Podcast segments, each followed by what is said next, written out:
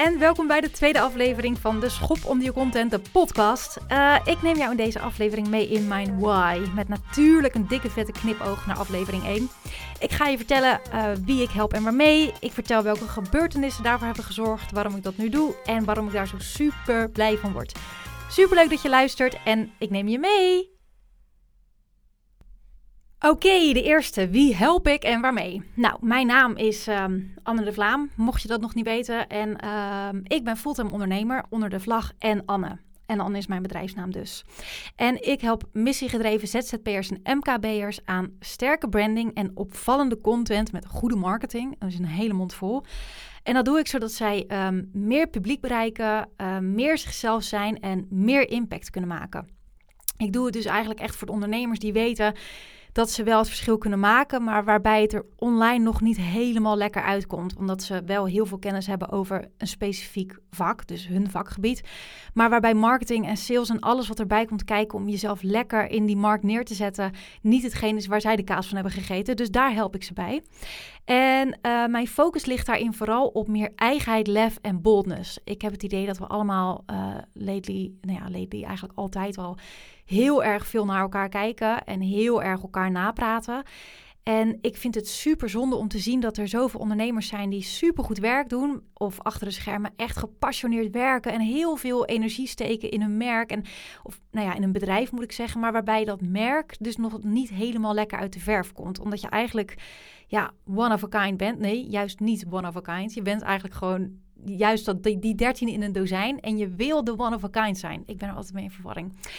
Um, dus dat is eigenlijk waar ik, uh, waar ik me hard voor maak uh, onder mijn uh, vlag en Anne.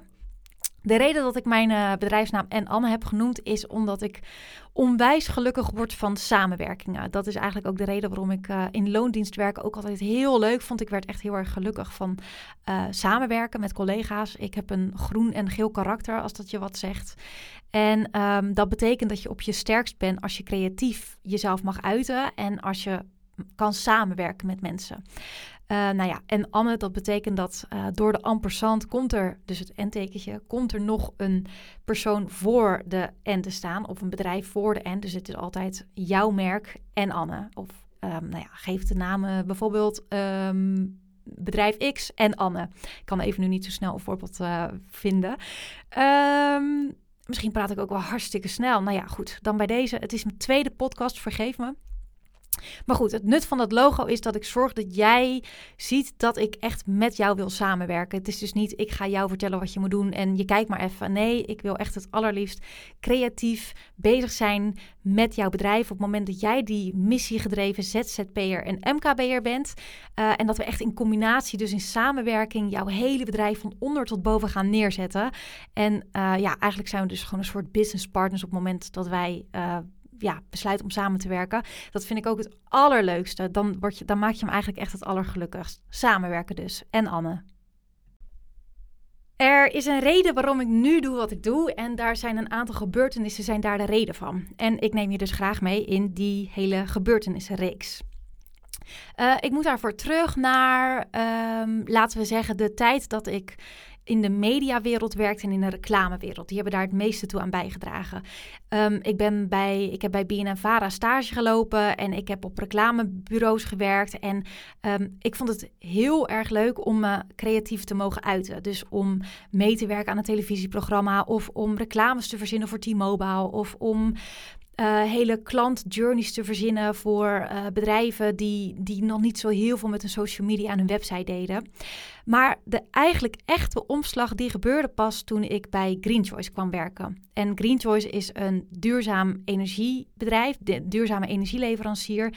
En um, ik vond het een heel fijn gevoel dat ik dus mij en creatief kon bewegen um, binnen een bedrijf met collega's dus en samenwerken. Maar dat ik tegelijkertijd ook echt voelde holy fuck, ik maak echt verschil nu. Ik maak echt impact nu met wat ik doe. Want voordat ik bij Green Choice werkte, had ik ook wel echt het gevoel dat ik me nuttig maakte op een dag. Maar of dat ik nou echt iets bijdroeg in de wereld, ja, nou ja, niet echt super erg. Het was meer commercieel en nou ja, niet per se super relevant wat ik deed. Um, maar nu merkte ik, wauw, het kan gewoon echt samengaan. De commerciële, het, het commerciële gedeelte, dus ik, ik hoefde niet onder een soort ja, klein, bij een klein bureautje te werken die eigenlijk geen geld had. We hadden genoeg geld en we hadden genoeg geld om campagnes neer te zetten. Maar we maakten ook echt daadwerkelijk impact door ja, zoveel mogelijk klanten bewust te maken, of potentiële klanten moet ik zeggen, van stap over naar Green Choice en wij zorgen voor jouw duurzame energie.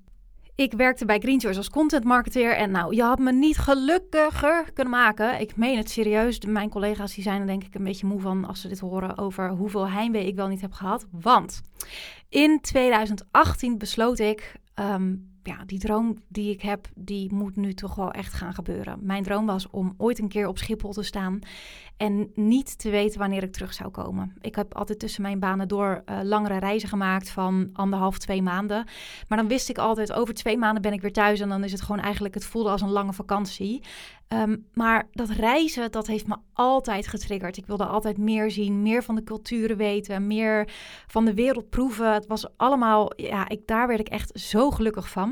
Dus in 2018 heb ik ontslag genomen bij Green Choice en ben ik zonder retourticket op wereldreis gegaan. Je zal vast waarschijnlijk hetzelfde denken als wat ik toen ook dacht. Dat de wereld rondreizen een beetje haaks lijkt te staan op mijn hunkering naar een duurzamere wereld. Want dat had ik toen gekregen doordat ik bij Green Choice werkte. Ik, had echt, ik was echt een beetje aangestoken met het duurzame DNA. En eigenlijk alles waar ik me daarvoor niet van bewust was, was ik me nu heel erg van bewust. Dus wat we eigenlijk doen met de wereld door heel veel te vliegen, heel veel vlees te eten, door eigenlijk alles wat we zouden kunnen doen om het beter te maken, maar niet doen. Ja, dat, het, het stond ook een beetje haaks op eigenlijk mijn inmiddels nieuwe geloof dat we dus duurzamer en beter met deze planeet om moeten gaan. Maar ehm, juist omdat ik bij Green Choice werkte, heeft deze wereldreis mijn ogen eigenlijk nog veel meer geopend. Ik ben namelijk op deze reis heel anders gaan kijken naar onze planeet. Eigenlijk hoe waanzinnig tof en mooi die is. En hoe waanzinnig mooi ja, de culturen zijn. En, en hoe fantastisch eigenlijk echt. Nou ja, ik kan niet over ophouden hoe fantastisch ik de wereld vind en reizen vind. Maar eigenlijk ook nog meer um, hoeveel mensen waardevol werk doen dat onzichtbaar blijft.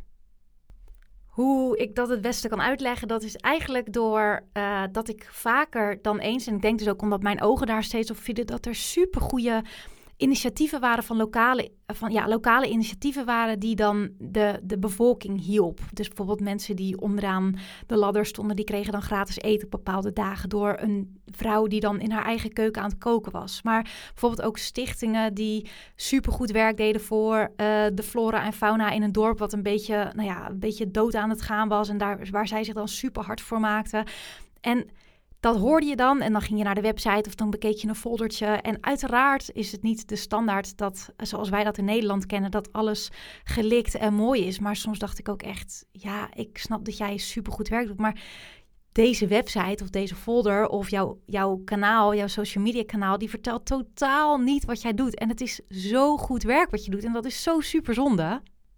Ik heb daar toen uiteraard niks mee gedaan. Ik dacht wel, het viel me wel op, uiteraard. En nou ja, het viel me uiteraard dus ook op hoe fantastisch mooi de planeet was. Maar ook ja, hoe we eigenlijk veel beter voor de planeet zouden moeten zorgen. Ik steek me aan dus ook absoluut in eigen boezem dat ik uh, de wereld ben gevlogen. En uh, tien maanden lang heb kunnen genieten van al het mooie, schone van, van de wereld. Um, maar nou goed, ik had al wel het gevoel, alright, ik heb wel, daar ging al wel een vlammetje aan van, oké, ik heb echt het gevoel dat het, dat het veel meer nog dieper in mij zit, dat ik voor missiegedreven en duurzame bedrijven wil werken dan voordat ik op deze wereldreis ging. Uiteindelijk had mijn oud-collega mij een berichtje gestuurd dat ze nog wel een freelance copywriter konden gebruiken voor het duurzaamheidsverslag, wat ze dat jaar daarna wilden uitgeven. Dus zo gezegd, zo gedaan. Ik had nog een KVK-nummer, omdat ik uh, voorheen ook freelance in de televisiewereld. En die, zo kon ik die dus gebruiken om um, het duurzaamheidsverslag te schrijven.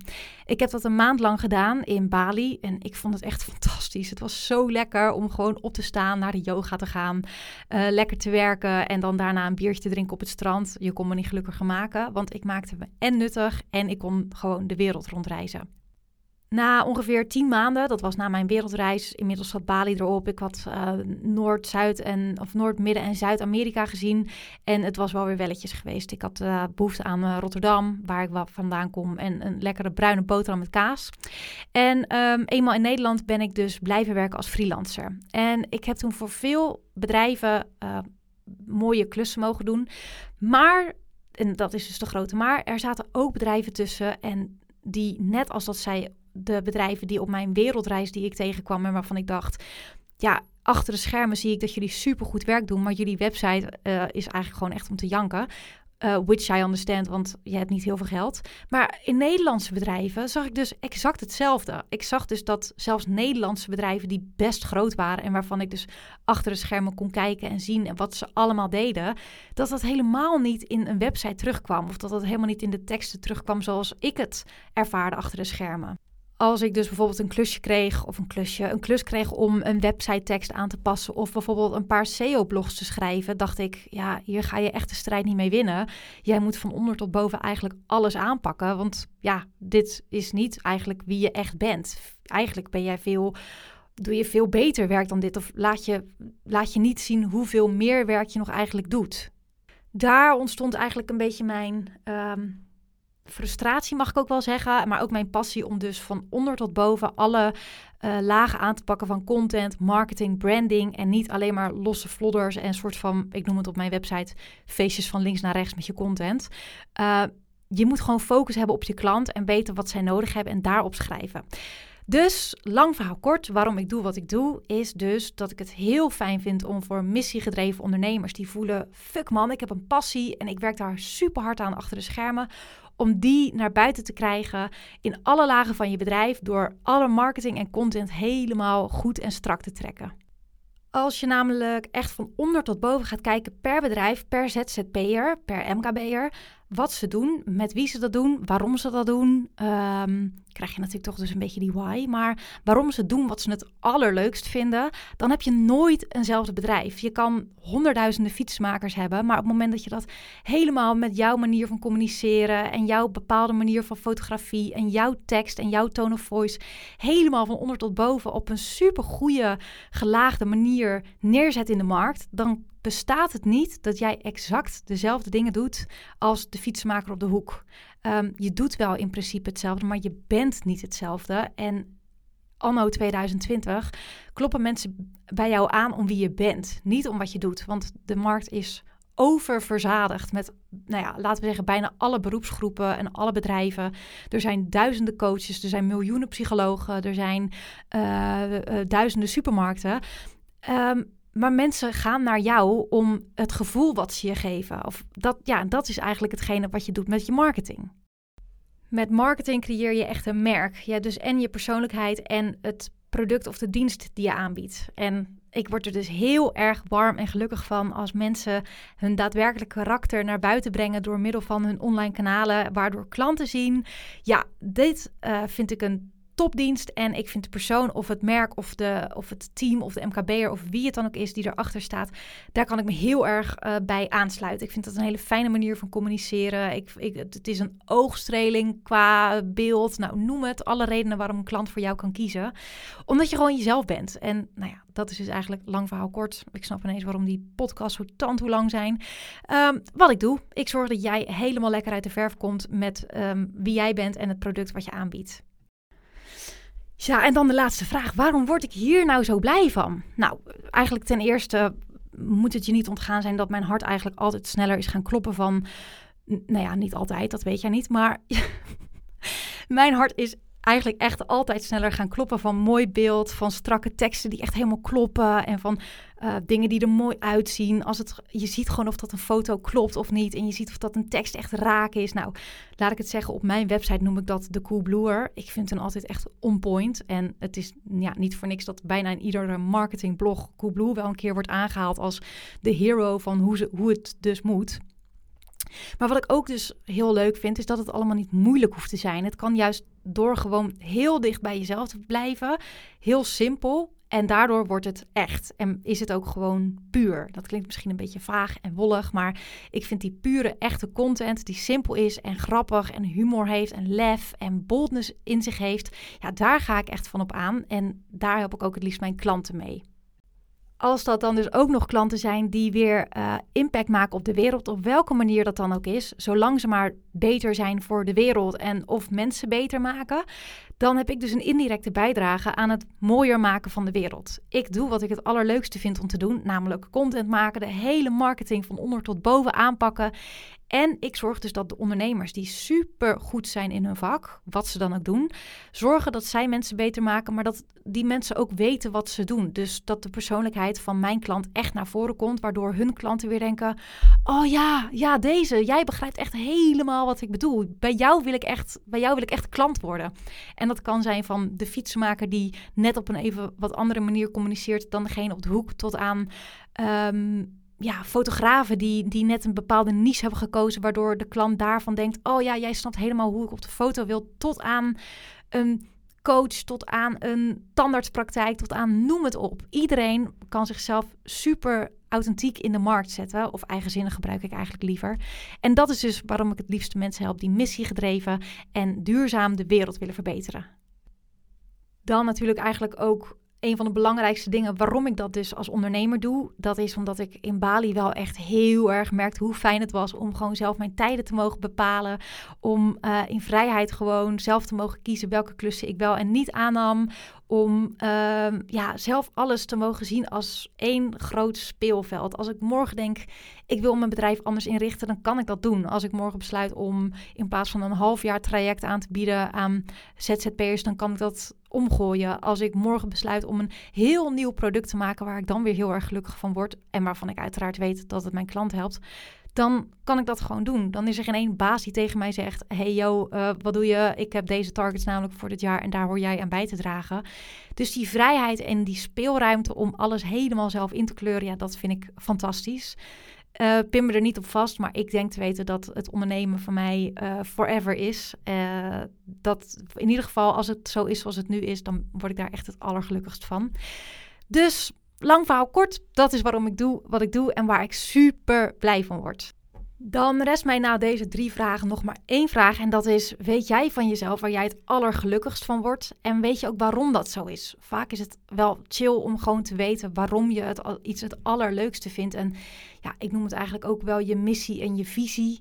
Um, als je die duidelijk hebt en je zit er even een dagje doorheen, of je denkt: oh man, ik weet even niet meer waar ik de kracht vandaan moet halen, dan is het wel heel fijn om te weten waarom je iets doet wat je misschien op dat moment even niet zo boeiend vindt of niet zo leuk als je dat duidelijk hebt en je weet dat je op jouw manier de wereld mooier wil maken, ja, dan is dat eigenlijk, eigenlijk altijd een goede motivator of een drijfveer om toch weer te denken, nou oké, let's go. Het heeft mij namelijk in een jaar heel ver geholpen met inmiddels ja, klanten waardoor ik vol zit op dit moment en uh, zelfs met een wachtlijst moet werken.